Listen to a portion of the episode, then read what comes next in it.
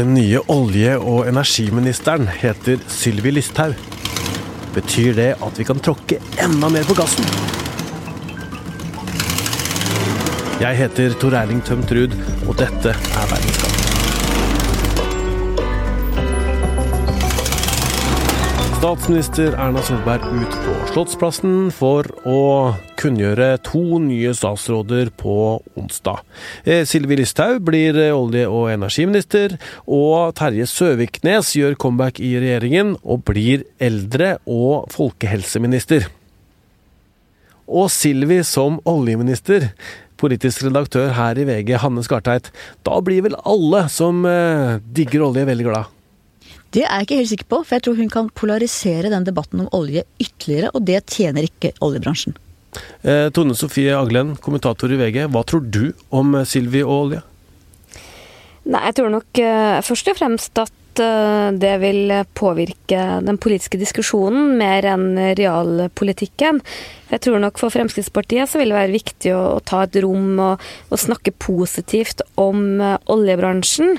Og, og, ha en litt annen retorikk enn andre har. Jeg tror nok ikke Sylvi Listhaug kommer til å forandre oljepolitikken, men det blir nok uh, også mer krevende mellom regjeringspartnerne, f.eks. når man får den vanskelige saken om iskanten opp til behandling. Det er veldig komplisert. Eh, det må dere forklare. Hvorfor skal de forandre olje- og energiminister hvis de ikke skal få noe forskjell?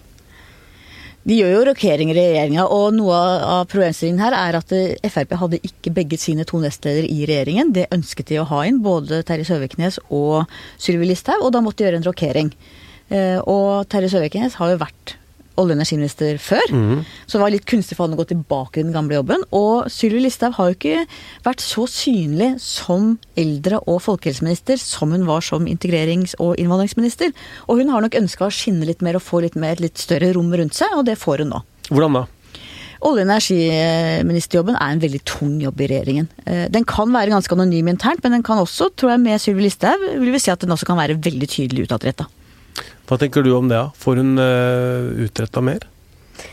Absolutt, for uh, folkehelseminister er jo en litt sånn kunstig statsrådspost. Og så trodde man jo kanskje at Sylvi Listhaug skulle klare å skape mer debatt, og kanskje særlig på eldreomsorg, hvor Frp tidligere har hatt uh, mange velgere, men det har ikke vært noe stor suksess. Olje, og, olje, og, energi er et viktig departement, og ikke minst så er klima en stor konfliktsak, hvor vi ser at særlig Senterpartiet har tatt mange velgere fra Frp, så det handler nok om, ikke bare om å gi henne større oppgaver, men også også om å få litt mer fart i den politiske debatten og, og vinne noen velgere. Erna Solberg hadde jo da en, en, en pressekonferanse i dag, og hun fikk spørsmål om eh, tror nå eh, Sylvi Lystad på at eh, klimaendringene er menneskeskapt. Hun eh, svarer at ja, det tror hun. Det var ikke det hun trodde før. Nei, nå er jo det et spørsmål hvor mange har endra mening eh, med årene, så, så, det er kanskje ikke så rart. Men hun er nok ikke noen helfrelst klimapolitiker, det er det vel ingen som tror. Og hun har vært veldig opptatt av sånn biler og oljeindustrien, og kommer nok til å gi den et noe annet ansikt enn det vi er vant til å se fra regjeringa nå. Altså hun er opptatt av biler, da? Hun har jo sjøl mange eller flere amerikanske biler som hun liker å kjøre rundt i. Hun har også en elbil, men det sier hun at det er kun av praktiske årsaker. Og kjører mye rundt i USA og kommer nok til å fronte et syn om at folk må få lov å kjøre bil når de har behov og lyst til å kjøre bil. Også bensin og diesel? Å ja. Også bensin og diesel. Kanskje særlig bensin og diesel.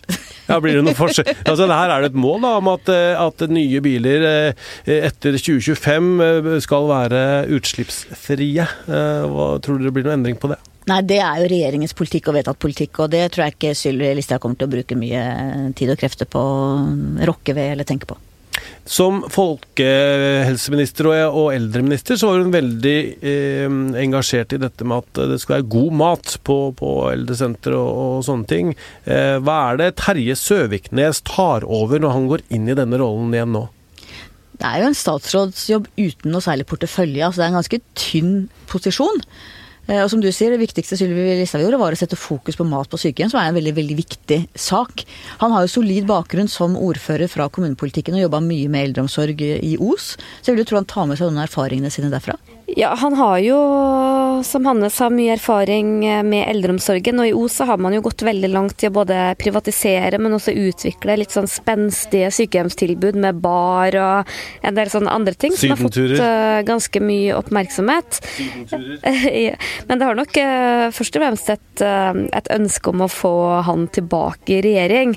For det er ikke, en, det er ikke den enkleste posisjonen å få veldig mye oppmerksomhet. Og det er jo ikke veldig mange mange måneder siden at Søviknes takka for seg for å reise hjem, få mer tid til familien og prøvde å bli ordfører og fylkesordfører. Det ble han ikke.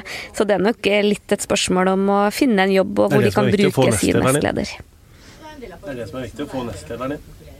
Ja, det er en del av partiledelsen, og det er jo en del av partiets profilering. Eh, og vi ser jo Høyre har sine nestledere inne. Det er helt eh, vanlig. Og når et parti ønsker det, så får de det. Hvorfor blir den tatt tilbake igjen nå? Nei, Han reiste jo hjem til eh, den nye kommunen eh, Bjørnafjord, for han ville vinne valget der og bli ordfører igjen. Han har jo vært FrPs mest kjente ordfører. Han hadde også ambisjoner om å kanskje bli fylkesordfører i nye Vestland. Han tapte begge de to valgene og er nå uten jobb. og Nå tror jeg nok han ville fått seg en jobb hvis han ville det, men jeg tror at Frp ser seg mer tjent med å bruke han i regjering. Og da kan han ta en liten SMS til Erna Solberg og si at kan ikke jeg bli minister igjen? Jeg tror ikke det er helt sånn det fungerer. Det er eh, partilederne som bestemmer for sine parti, og han er jo en del av partiledelsen. Så det er nok en strategisk beslutning som de er enige om i Frp. Hva har dette å si for neste eh, regjeringsvalg? Nå er det jo stor grunn til å tro, man skal aldri si aldri, men det er stor grunn til å tro at det blir et regjeringsskifte. Da har de sittet i åtte år. De er allerede litt rufsete i pelsen og ganske slitent lag. Vi så jo det samme Stoltenberg-regjeringen i sin tid, etter åtte år. Selv om Jens Stoltenberg sjøl var populær blant velgerne, så tapte de valget. Åtte år er lenge. Jeg er enig. Samtidig så hadde nok mange i dag trodd at det skulle komme flere eh, skifter i regjering. For særlig Høyre har hatt eh, mange som har sittet lenge og som trenger litt eh, fornyelse. Så jeg tror nok at uh, det her er den første av flere som vi kommer til å få se fra Erna Solbergs regjering i 2020. Verdens Gang lages av Kristine Hellesland, Emilie Hall Torp, Roy Furuhaug og meg, Tor Erling Tømterud. Magne Antonsen er teknisk produsent. Vi har en gruppe på Facebook som heter Verdens Gang, en daglig nyhetspodkast. Du kan bli medlem der, og du kan si ting om podkasten du mener er bra eller dårlig.